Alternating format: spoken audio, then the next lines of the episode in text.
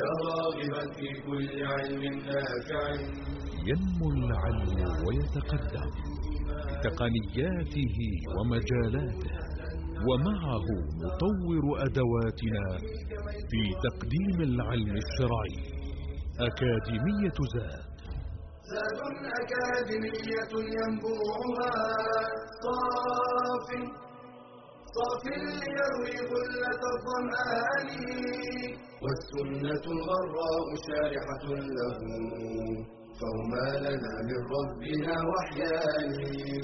بشرى لنا زاد أكاديمية للعلم كالأزهار في البستان. بسم الله الرحمن الرحيم الحمد لله رب العالمين والصلاة والسلام على أشرف المرسلين نبينا محمد صلى الله عليه وعلى آله وصحبه وسلم تسليما كثيرا أما بعد سلام الله عليكم ورحمته وبركاته حياكم الله بياكم وجعل الجنة مثوانا ومثواكم اللهم إنا نسألك علما نافعا ورزقا واسعا وشفاء من كل داء لقاء يتجدد في أكاديمية زاد وفي مادة الحديث بالذات. اليوم أيها الأحبة لقاؤنا الثالث وهو مع حديث من أعظم الأحاديث إن لم يكن أعظمها على الإطلاق.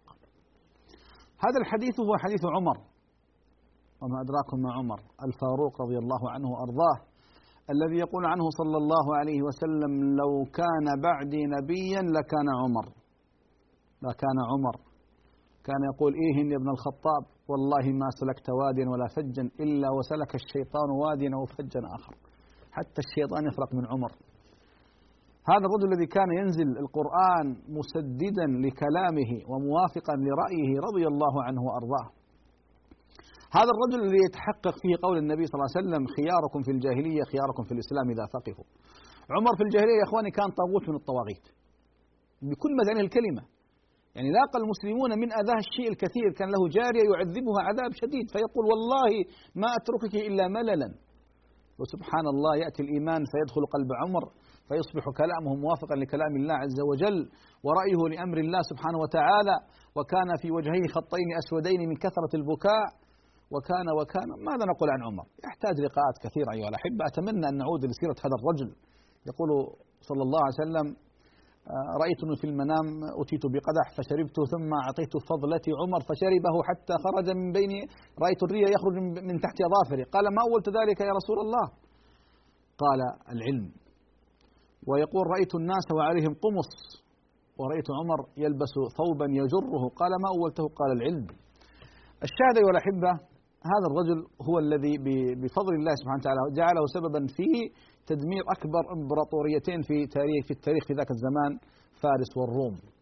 ولذلك يقفون منه موقف سيء. يعرفون من عمر رضي الله عن عمر وأرضاه. عمر يروي هذا الحديث عن النبي صلى الله عليه وسلم فيقول عليه الصلاة والسلام إنما الأعمال بالنيات وإنما لكل امرئ ما نوى. فمن كانت هجرته إلى الله ورسوله فهجرته إلى الله ورسوله. ومن كانت هجرته إلى دنيا يصيبها أو امرأة ينكحها فهجرته إلى ما هاجر إليه. متفق عليه. وهذا الحديث يسميه بعض العلماء أو كثير من العلماء حديث أم قيس. ومناسبته أن أن رجلا أراد امرأة أن يتزوجها أسلمت فلما ذهبت إلى المدينة هاجرت المدينة هاجر لأجل هذه المرأة. فالنبي صلى الله عليه وسلم قال إنما الأعمال بالنيات. من كانت هجرته إلى الله ورسوله فهجرته إلى الله ورسوله. ومن كانت هجرته إلى دنيا يصيبها أو امرأة ينكحها فهجرته إلى ما هاجر إليه. وبالمناسبة كما قلت في أول كلامي هذا الحديث هو أعظم حديث في الدين. الإسلام كله يقوم على هذا الحديث. قال بعض أهل العلم الإسلام يقوم على حديثين هذا الحديث وحديث عائشة رضي الله عنها من عمل عملا ليس عليه أمرنا فهو رد. ولذلك أحبتي في الله أي عمل في الإسلام أي عمل في الدين لا يقبل إلا بشرطين. لا يقبل إلا بشرطين. الشرط الأول الإخلاص أن يكون العمل لله سبحانه وتعالى. الشرط الثاني المتابعة بمعنى الموافقة لهدي النبي صلى الله عليه وسلم. فإذا لا بد للمسلم حينما يعمل أي عمل في الدنيا أولا يبتغي به وجه الله سبحانه وتعالى. لا رياء لا سمعة لا حب الثناء لا حب الإطراء لا حب المدح. ها؟ انتبهوا. انتبهوا أيها الأحبة. أي عمل ليس فيه إخلاص كامل باطل. لذلك يقول الله سبحانه وتعالى أنا أغنى الشركاء عن الشرك. من عمل عملا أشرك فيه معي غيري تركته وشركه. من عمل عملا أشرك فيه معي غيري تركته وشركه. لذلك الإنسان ينتبه دائما يستحضر الإخلاص في عمله وأن جميع الأعمال من صلاة وصيام وزكاة وجهاد ونفقة وذكر وقرآن كل الأعمال إنما نرجو بها وجه الرحمن سبحانه جل في علاه. أنت هذا الشرط الأول. الشرط الثاني الموافقة المتابعة للنبي صلى الله عليه وسلم. بمعنى أن جميع العبادات التي تقوم بها موافقة لهدي الرسول صلى الله عليه وسلم. أنا أضرب لكم مثال الآن. فرضنا أن إنسانا أراد أن يصلي الظهر ست ركعات. والله أنا اليوم الحمد لله أنا نشيط اليوم والحمد لله يعني ما شاء الله تبارك الله وأريد أن أتقرب إلى الله فأصلي الظهر ست ركعات. عشان أنا ما نقصت أنا زودت ركعتين. لله عز وجل والله وجه الله ما أبغى لا أبغى رياء ولا سمعة نقول عمل باطل. يا أخي مخلص أنا أبغى عمل باطل. ليش يا أخي؟ لأنه مخالف لهدي النبي صلى الله عليه وسلم. مخالف. ولذلك قضية الإخلاص قضية المتابعة لله سبحانه وتعالى الشرط الأول. الشرط الثاني نبذ البدع. نبذ البدع. المتابعة الموافقة لهدي النبي صلى الله عليه وسلم. لا بد أيها الأحبة أن نتبع النبي صلى الله عليه وسلم في كل صغيرة وكبيرة. نعم. خذوا عني مناسككم. صلوا كما رأيتموني كما رأيتموني أصلي. من ترك سنتي فليس مني. ولذلك الموافقة لا بد للمسلم دائما أن يخلص في عمله أن يوافق سيرة وهدي نبيه صلى الله عليه وسلم. يعني الآن كما قلت لكم الآن جاني الإنسان وقال لك يا أخي أنا كل جمعة باخذ عمرة. ليش يا أخي؟ قال يا أخي عمرة لله. طيب اختلفنا. وترى فيها اللي إذا تأخذ عمرة يوم الجمعة حيكون لك فيها بركة طوال أسبوعك. من فين الكلام هذا؟ من أين أتيت به؟ أخي وهذا لا يعني أنت لما تبدأ الجمعة تأخذ عمرة حيكون باقي الأسبوع يعني كله بركة بسبب العمرة. يقول لا. كونك قيدت اجرا أو عملا بغير تقييد من رسول الله صلى الله عليه وسلم باطل. طيب يا أخي أنا والله يوم الجمعة فاضي كل جمعة فاضي وأبغى أروح أخذ عمرة. بس قال السبب قال هذا لا ما في بأس. الله يوفقك ويتقبل منك ما في مشكلة. لكن أن ترتب أجرا أو أثرا على عبادة بغير دليل بدعة لا يجوز العمل به. يجيني واحد يقول أنتم والله امتحنتونا بدع بدع. لا يا أخي الكريم. القضية ما قضية تعنت القضية قضية حب السنة حب موافقة النبي صلى الله عليه وسلم. من رغب عن سنتي فليس مني. يقول صلى الله عليه وسلم يؤتى يوم القيامة آه، بأناس يقضون علي على على حوضي. فأعرفهم فتأتي الملائكة فتطردهم. فأقول أمتي أمتي. يعرفهم غير محجلين من أثر الوضوء. فتقول الملائكة إنك لا تدري ماذا أحدث بعدك. فأقول سحقا سحقا. هل نرضى بهذا أيها الأحبة؟ لذلك ينبغي للإنسان أيها الأحبة أن يتزود من العلم. وإذا عملت عملا فاعلم هذا العمل كيف. هل هو خالص لوجه الله؟ هل هو موافق لهدي رسول الله ولا لا؟ ولذلك انتشار البدع في الأمة الإسلامية كارثة. من عمل عملا ليس عليه أمرنا فهو رد. من أحدث في أمرنا هذا ما ليس منه فهو رد. أحبتي في الله خلوني اركز على القسم الأول الإخلاص. يا إخواني رب عمل صغير جدا يعظمه أو تعظمه النية. ورب عمل كبير جدا تحقره النية. بسبب إيش؟ إخلاص وعدم إخلاص. يعني لما يقول لك سبق درهم ألف درهم سبق درهم خمسين ألف درهم سبق درهم مئة ألف درهم. النية.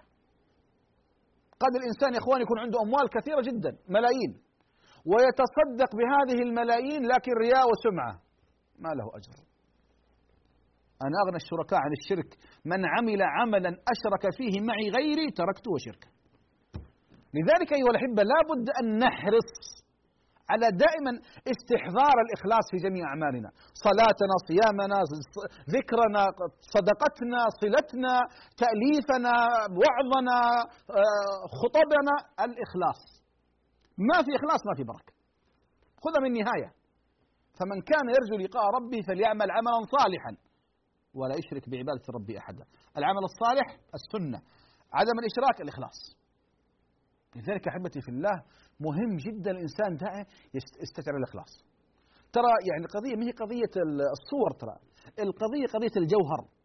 يقول صلى الله عليه وسلم إن الله لا ينظر إلى صوركم ولا إلى أجسامكم ولا إلى أموالكم ولكن ينظر إلى قلوبكم وأعمالكم.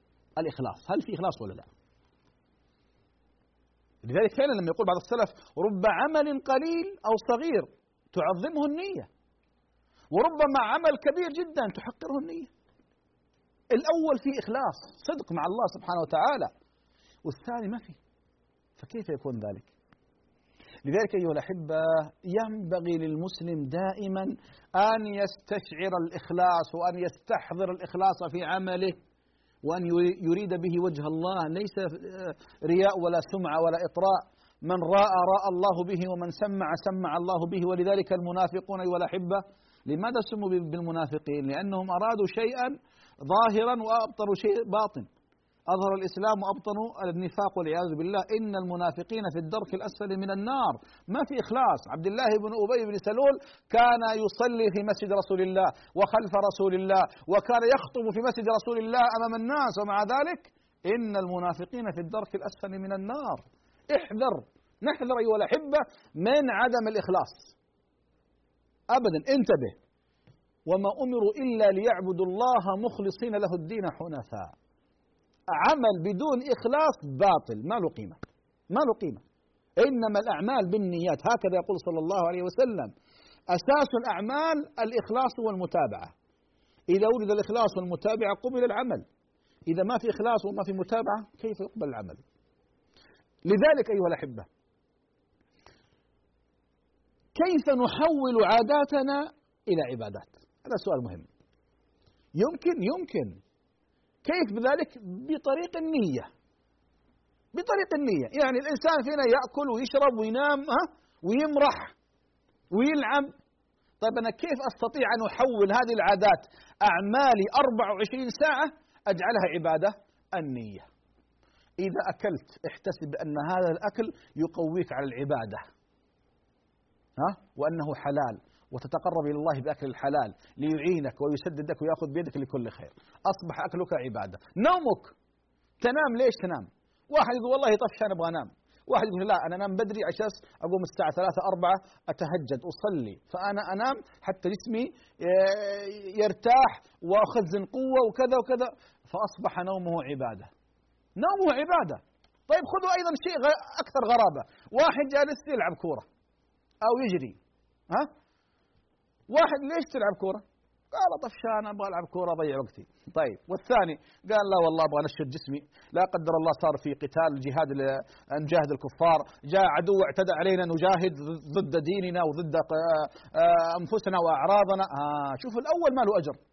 الثاني يلعب ويمرح وله أجر، من الذي تغير؟ الصورة واحدة، الصورة واحدة اللي تغير النية. رايتم أيها الأحبة؟ أرأيتم؟ لذلك العاقل البصير الذكي العبقري هو الذي يستشعر يستشعر إيش؟ دائما كل هذه الأعمال أنها قربة إلى الله. كما قال ابن مسعود رضي الله عنه وأرضاه إني لاحتسب عند الله قومتي ونومتي قومتي ونومتي. فالإنسان يستحضر أكلك شربك دائما آه، عملك آه، آه، مثلا مرحك كل هذا احتسب فيه النية. أريد بهذا وجه الله. أريد أن يكون هذا العمل يقويني على الطاعة يقويني على الخير يقويني على فعل المعروف وترك المنكر. بالتالي حتصبح كل حياتك عبادة في عبادة في عبادة فتهنأ بإذن الله. يقول شيخ الإسلام ابن تيمية رحمه الله إذا أصبحت في كل يوم فانوي الخير لكل الناس. انوي أنك تنفع كل الناس. تصبح حياتك كلها لله سبحانه وتعالى. توقف يا الأحبة عند هذا الفاصل. ثم نعود لكم بعد ذلك وصلى الله على محمد.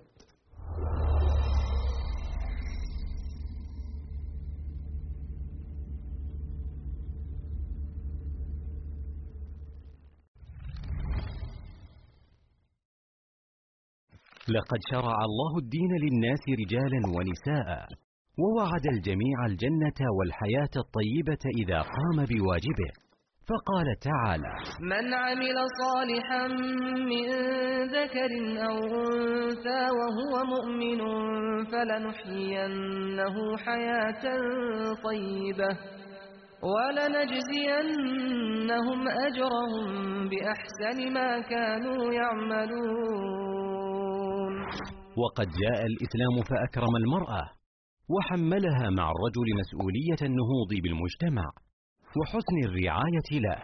فقال عليه الصلاة والسلام كلكم راع وكلكم مسؤول عن رعيته.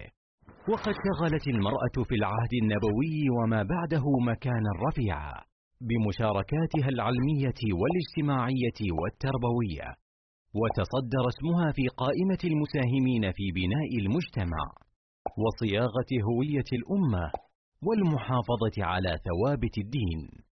ولا زال التاريخ يذكر أم المؤمنين خديجة وأم المؤمنين عائشة ونسيبة بنت كعب وأم حرام بنت ملحان وحفصة بنت سيرين وفاطمة بنت عبد الملك وزبيدة بنت جعفر وغيرهن رضي الله عنهن ورحمهن. ومن هنا كان للمرأة المسلمة دورها المهم والخطير في صياغة المجتمع. مما أكسبها قيمة واعتبارا واحتراما لا مثيل له في المجتمعات الأخرى كما اعترف بذلك المنصفون من الغربيين وبأنهم إنما تعلموا احترام المرأة من مسلمي الأندلس. يقول المفكر الفرنسي مارسيل بوزارد إن الشعراء من المسلمين هم الذين علموا مسيحي أوروبا عبر أسبان احترام المرأة. فللمرأة على ثغر الحياة الزوجية أثر خطير. وفي التربية على الدين والخلق دور كبير. وفي التعليم والدعوة والطب والرعاية مكانة ومسؤوليات. وقيام المرأة المسلمة بهذا وغيره له أثره الإيجابي في إصلاح المجتمع كله أسرا وأفرادا. وصدق عليه الصلاة والسلام حين قال إنما النساء شقائق الرجال.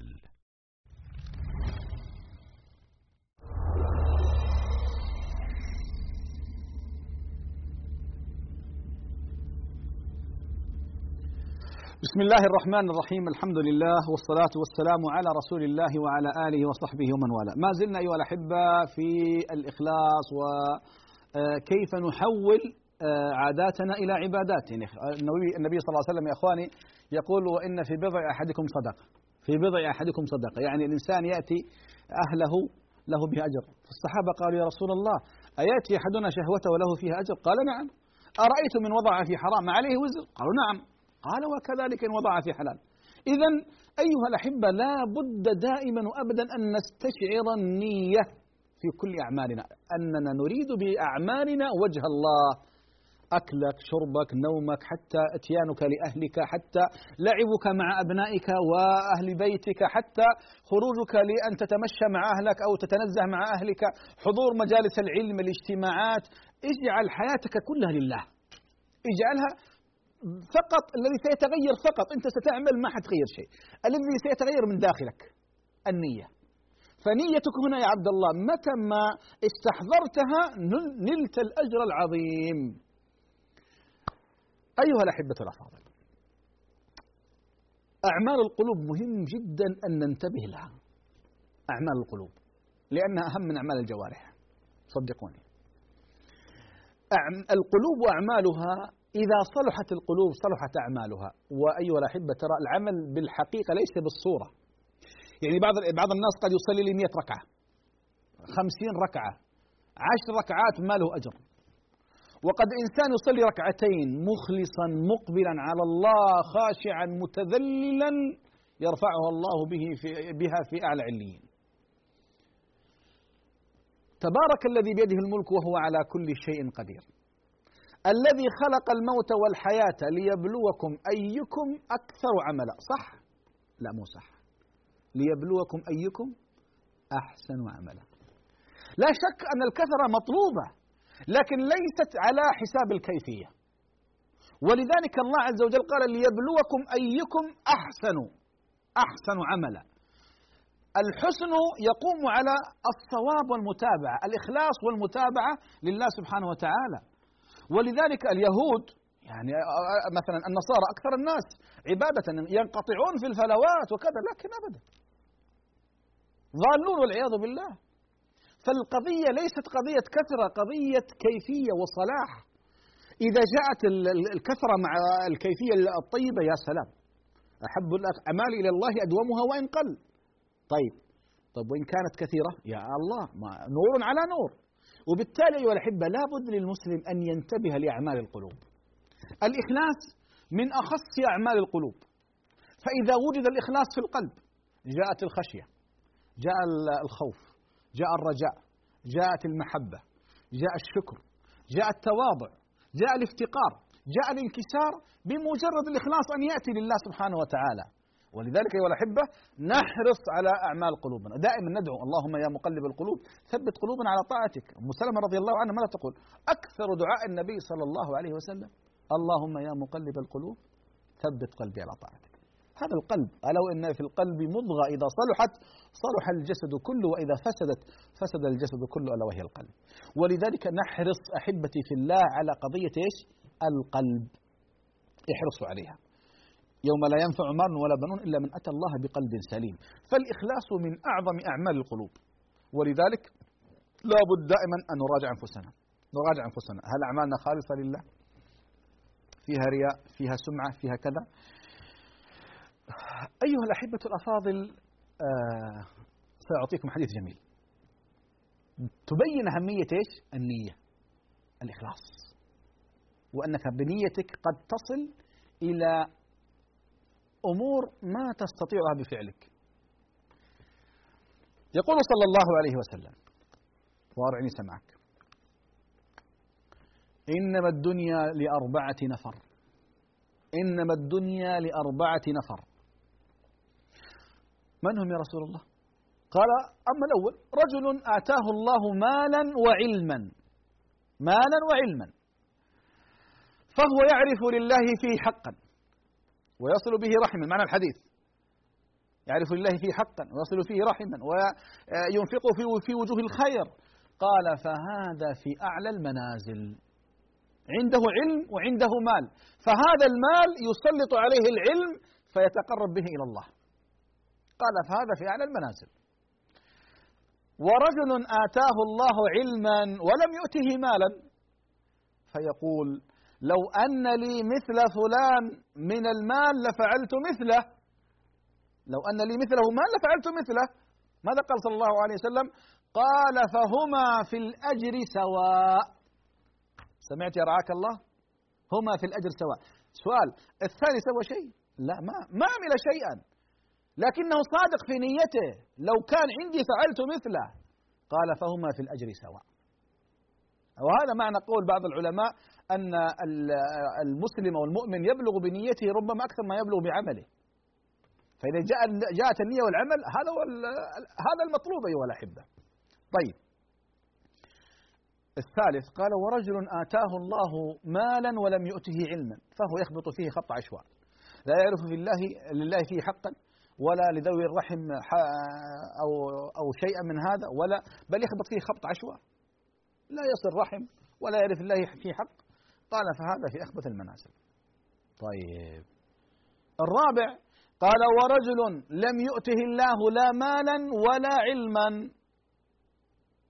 فيقول لو أن لي مثل فلان من المال لفعلت مثله. فعل شيء لا. ماذا قال صلى الله عليه وسلم؟ قال فهما في الوزر سواء.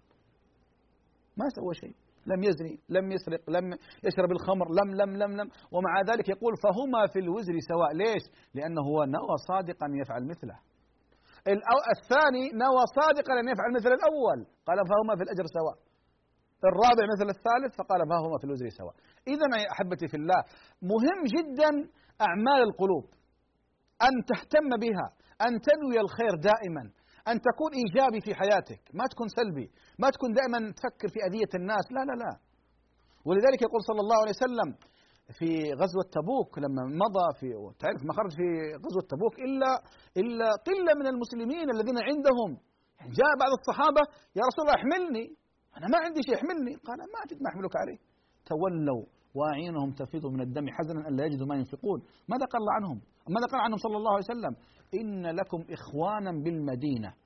ما قطعتم واديا ولا صعدتم جبلا ولا سرتم مسيرا إلا كانوا معكم إلا شاركوكم في الأجر. منعهم العذر منعهم العذر شوف الإخلاص. مخلصين. جاءوا يبكون. يا رسول الله ما نجد. احملنا. آه. رأيتم أيها الأحبة؟ هل خرجوا إلى تبوك؟ هل شاركوا النبي في هذه الغزوة؟ هل تحملوا ما تحمل الصحابة؟ ومع ذلك بكل بساطة كانوا معكم شاركوكم في الأجر. إذا أيها الأحبة الإخلاص مهم جدا في حياتنا في كل شيء في كل صغيرة وفي كل كبيرة. استشعر الإخلاص يا عبد الله دائما حتى كما قلت قبل قليل عاداتك أعمالك التي أنت دائما تعملها يا أخواني كل واحد فينا ينام ويأكل ويشرب وينبسط ويطلع يتمشى ويطلع يتنزه ويطلع كذا. انوي بها انوي بها دائما استشعر النية. انوي بها وجه الله. أنها تكون دافع وحافز ها لعمل صالح آخر. كل حياتك ستكون لله سبحانه وتعالى. ستكون لله. إذا مهم جدا أحبتي في الله استشعار الإخلاص لله في كل أحوالنا وفي كل في كل أمورنا الظاهرة والباطنة. أحبتي في الله ملمح مهم آخر؟ أنت مشيت في طريق وجدت ذلك المسجد الكبير وجدت تلك الملحقات العظيمة يعني مشروع جبار. طيب أنت ما دورك في مثل هذا الأمر. أولا تحمد الله أن في الأمة مثل هؤلاء من ينفق. الأمر الثاني ما أقول احسده. ديننا ما في حسد. هذا الحسد عند اليهود وعند ضعاف الإيمان. القضية الثانية تمنى لو أن عندك مالا فتفعل مثله. يا سلام يا إخواني. حندخل في الصنف الثاني. الحديث الذي ذكرنا قبل قليل. ما قلنا عنده مال وعلم عنده علم بدون مال ها؟ خلونا نتكلم عن الصنفين الأولين. فأنت الآن لما ترى مشروع مبارك ترى قناة مباركة ترى مشروع جبار رفع الله بالإسلام والمسلمين أولا احمد الله أنه موجود ادعو الله لصاحبه ثم ثم قل لو أن عندي مالا لفعلت مثله. لو كان عندي مال لبنيت مسجد لأنشأت قناة لكفلت أيتاما لكفلت دعاة لطبعت كتب لا أنجدت المسلمين لفعلت لفعلت وأنت صادق. آه. بالتالي أنت ستنال أجرا عظيما جدا جدا جدا بقدر صدقك مع الله عز وجل لأن الله يعلم السر وأخفى. الأمر الثاني أو الرابع الذي أريد أن أؤكد عليه النبي صلى الله عليه وسلم ماذا يقول؟ إذا تمنى أحدكم فليكثر فإنما يدعو ربه. حديث صحيح. إذا تمنى أحدكم فليكثر فإنما يدعو ربه. ولذلك يا عبد الله إذا تمنيت شيء تمنى. تمنى. أتمنى يكون عندي مليارات.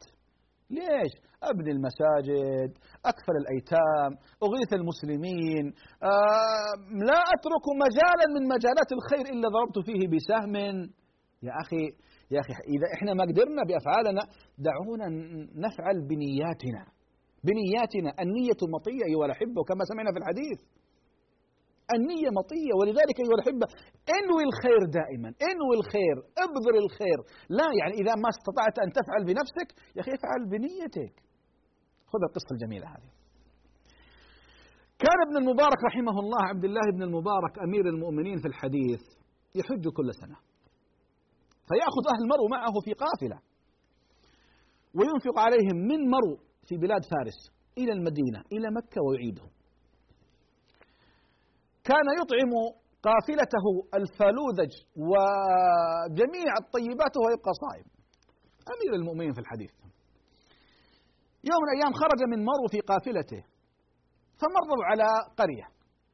لما دخلوا القرية رأى منظر شده. ما هو المنظر؟ رأى جارية صغيرة بنت صغيرة جاءت إلى مزبل أكرمكم الله والملائكة فوجدت غرابا ميت. أخذت الغراب ثم رفعت خمارها ووضعته ثم مشت. أخذت الميتة غراب. حتى لو كان حي ما يؤكل فتبعها. حتى دخلت البيت فطرق الباب. فخرجت. ما الذي ألجأك إلى هذه الميتة؟ قالت نحن أيتام. وقد أحلت لنا الميتة من ثلاثة أيام. ليس لنا طعام إلا ما يلقى في هذه المزبلة. فقال إنا لله وإنا إليه راجعون. يا ابن المبارك تأكل الفلوذج أنت وأصحابك وأموات المس... وأبناء المسلمين يأكلون الميتة؟ فأمر بتلك القافلة كاملة فوزعها في تلك المنطقة. ثم نادى على أهل مرو عودوا إلى بلادكم لا حج لكم هذه السنة. ووزعت القافلة كاملة ثم عاد إلى مرو. وصل إلى مرو وبات في تلك الليلة في بيته. ما الذي حدث؟ وإذا به يرى في المنام يسمع هاتفا يهتف. حجا مبرورا وسعيا مشكورا وذنبا مغفورا. لا إله إلا الله. حجا مبرورا وسعيا مشكورا وذنبا مغفورا. طبعا أيها الأحبة المنامات نحن لا نعلق عليها أحكام شرعية لكن هذا مما يستأنس به. هو خرج للجهاد خرج للحج. ومع ذلك لما أنفق هذه هذه القافلة كاملة في تلك في في في تلك القرية وعاد لله عز وجل فهو خرج قد خرج خلاص نوى وخرج. لذلك الله عز وجل لا يمكن أن يضيع عباده أبدا. فجاءت البشارة حجا مبرورا وسعيا مشكورا وذنبا مغفورا. أسأل الله سبحانه وتعالى أن يوفق الجميع نتوقف في هذا الفاصل ثم نعود إليكم وصلى الله على محمد والحمد لله رب العالمين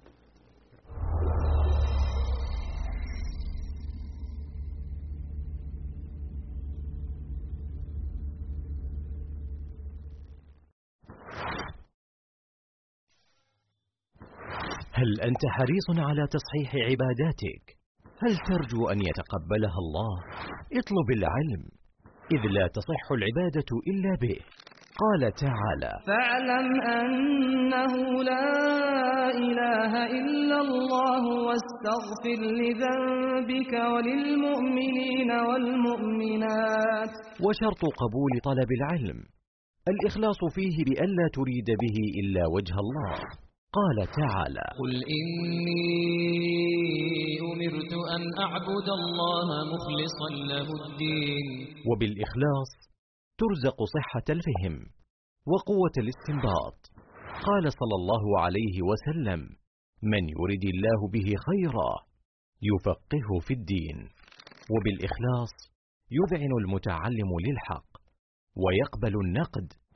قال الذهبي علامة المخلص أنه إذا عوتب لا يبرئ نفسه بل يعترف ويقول رحم الله من أهدى إلي عيوبي. ويجب أن يتوفر الإخلاص في التعلم والتعليم والتأليف. قال أبو داود الطيالسي ينبغي للعالم إذا حرر كتابه أن يكون قصده بذلك. نصرة الدين لا مدحه بين الأقران لحسن التأليف. فأخلص النية واحذر من فسادها. كطلب العلم لأجل المال والثروة أو الجاه والشهرة أو المراء والجدل فإن ذلك يفسد العمل. قال تعالى وقدمنا إلى ما عملوا من عمل فجعلناه هباء منثورا.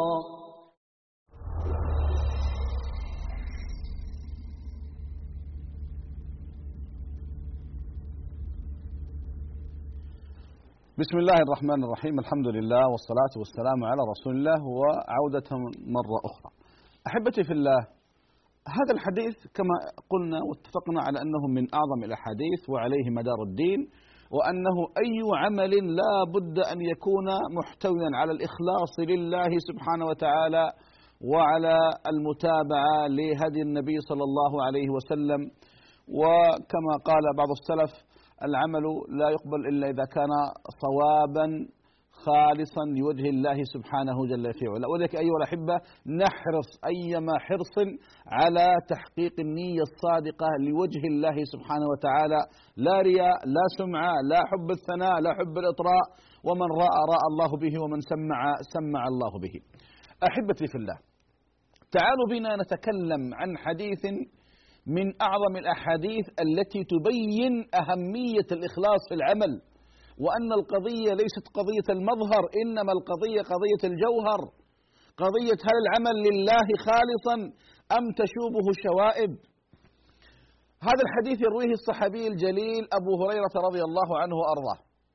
وكان إذا حدث بهذا الحديث ربما ربما أغمي عليه مرة وثنتين وثلاثة نشغ مرة وثنتين وثلاثة كما جاء اللفظ. ما هو الحديث؟ يقول صلى الله عليه وسلم أول من تسعر بهم النار ثلاثة أي ثلاثة أصناف. لن أترك لك المجال حتى تتفكر منهم هؤلاء الثلاثة لأن بعض الناس أول من تسعر بهم النار يمكن اليهود النصارى يمكن الملاحدة يمكن يمكن. لا لا لا مع الأسف. أول من تسعر بهم النار هم من أمة محمد مع الأسف. مع الأسف. لكن إيش المشكلة؟ إيش القضية؟ ما ما هي الكارثة؟ النية. صور مشرقة. لكن المآل مخيف. المآل نار والعياذ بالله. ما هي أو من هم هؤلاء الثلاثة الأصناف؟ اسمع يرعاك الله. رجل قتل في سبيل الله. الله أكبر. قتل في سبيل الله؟ نعم. وأول من تسعر بهم النار؟ نعم. ما المشكلة؟ المشكلة أن النية ما هي خالصة لوجه الله الكريم. إنما الرجل ما كان يريد وجه الله. اسمع نكمل الحديث. يقول صلى الله عليه وسلم فيأتي الله به عز وجل فيعرفه نعمه. فيعرفها. فيقول عبدي ماذا صنعت؟ فيقول يا ربي قاتلت فيك حتى استشهدت. قال كذبت. تكذب على رب العالمين. قال كذبت. إنما فعلت ذلك ليقال جريء. فقد قيل. اذهبوا به إلى النار. والعياذ بالله.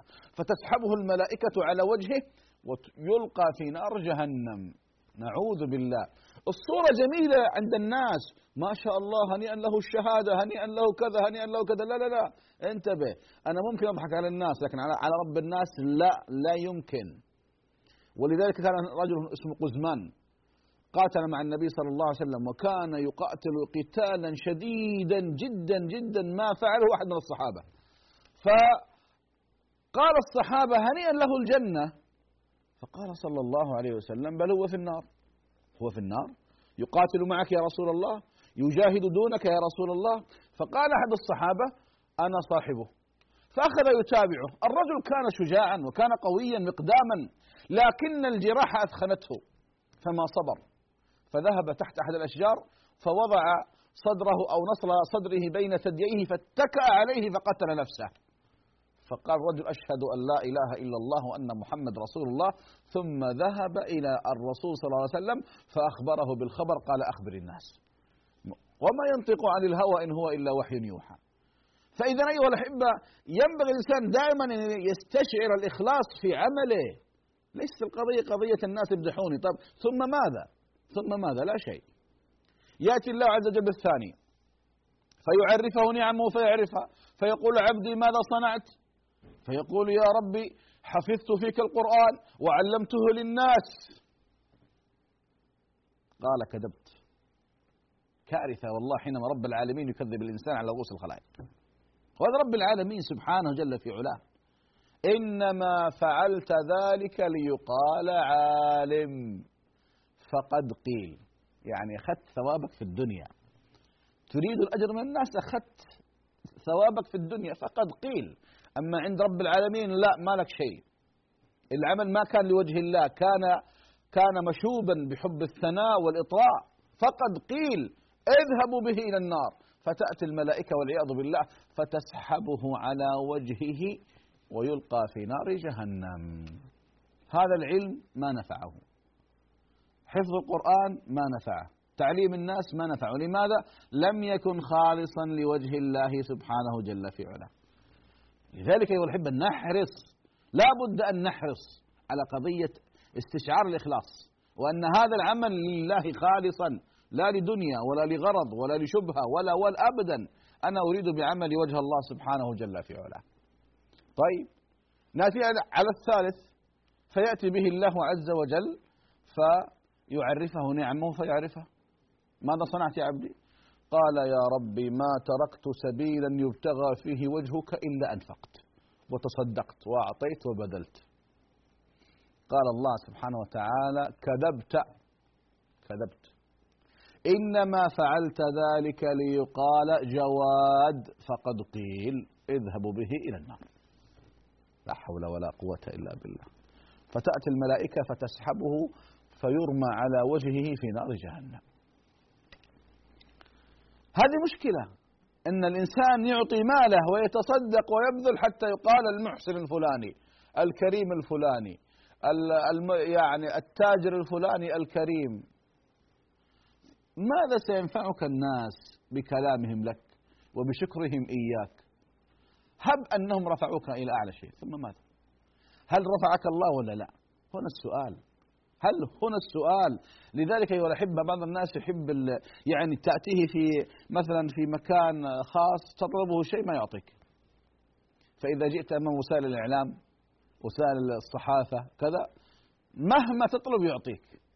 فهو لا يريد ذلك وجه الله إنما يريد أن يثنى عليه وأن يذكر بخير وأن الناس يشكرونه على فعله. وهذا مرض والعياذ بالله مرض داخلي مرض قلبي. يعني كارثة بكل ما تعنيه الكلمة أيها الأحبة.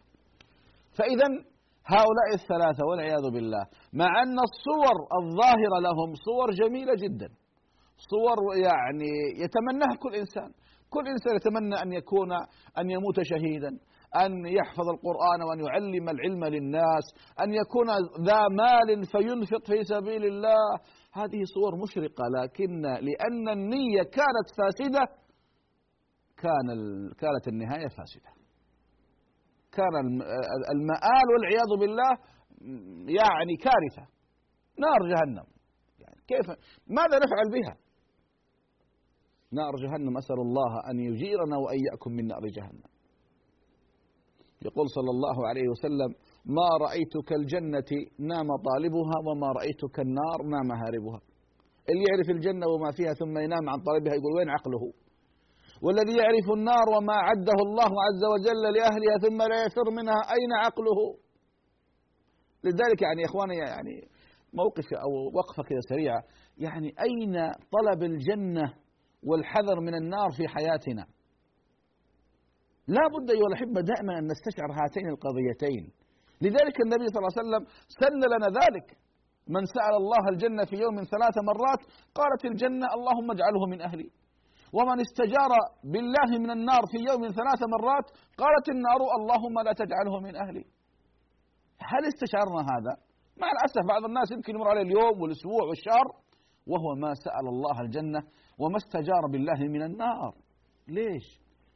هل الدنيا وأفعال الدنيا ومشاغل الدنيا وشركات الدنيا ومؤسسات الدنيا وبيوت الدنيا ونساء الدنيا تمنعنا عن أهم قضيتين في حياتنا كيف نظفر بالجنة نفر من النار وهذا لا يكون إلا إذا إذا رضي الله عنا ولا يرضى الله عنا إلا إذا عبدنا الله وحققنا التوحيد لذلك أحبتي في الله هاتان القضيتان ينبغي دائما وابدا أن نستشعرهما في ليلنا وفي نهارنا. إخواني يعني الكلام عن الجنة والنار يأخذ وقت طويل جدا لكن لكن ما فيها من وصف في الجنة هذا يرغبنا أقل واحد في الجنة يا أخواني من يملك عشرة أضعاف الدنيا. هل سمعنا بأن أحدا ملك الدنيا؟ أقل واحد في الجنة يملك عشرة أضعاف الدنيا. والنار أيها الأحبة يكفي أن مجلس الكافر في جهنم والعياذ بالله كما بين مكة إلى المدينة. 400 كيلو حجمه مجلسه. ما بين منكبيه مسيرة 300 ثلاثة أيام للراكب. ضرسه كجبل أحد. سمك جلده أربعون ذراعا. كلما نضجت جلودهم بدلناهم جلودا غيرها ليذوقوا العذاب. أحبتي في الله إنما الأعمال بالنيات وإنما لكل امرئ ما نوى فمن كانت هجرته إلى الله ورسوله فهجرته إلى الله ورسوله ومن كانت هجرته إلى دنيا يصيبها أو امرأة ينكحها فهجرته إلى ما هاجر إليه. أحبتي في الله دائما استشعروا الإخلاص في أعمالكم والمتابعة لسنة نبيكم صلى الله عليه وسلم. أسأل الله أن يرزقنا جميعا علما نافعا ورزقا واسعا وشفاء من كل داء. وصل اللهم على محمد وعلى آله وصحبه وسلم. والحمد لله رب العالمين. يا راغبا في كل علم نافع متطلعا لزيادة الإيمان. وتريد سهلا النوال ميسرا يأتيك ميسورا بأي مكان زاد زاد أكاديمية ينبوعها. صاف صاف ليروي غلة الظمآن. والسنة الغراء شارحة له. فهما لنا من ربنا وحيان. بشرى لنا زاد أكاديمية للعلم كالأزهار في البستان.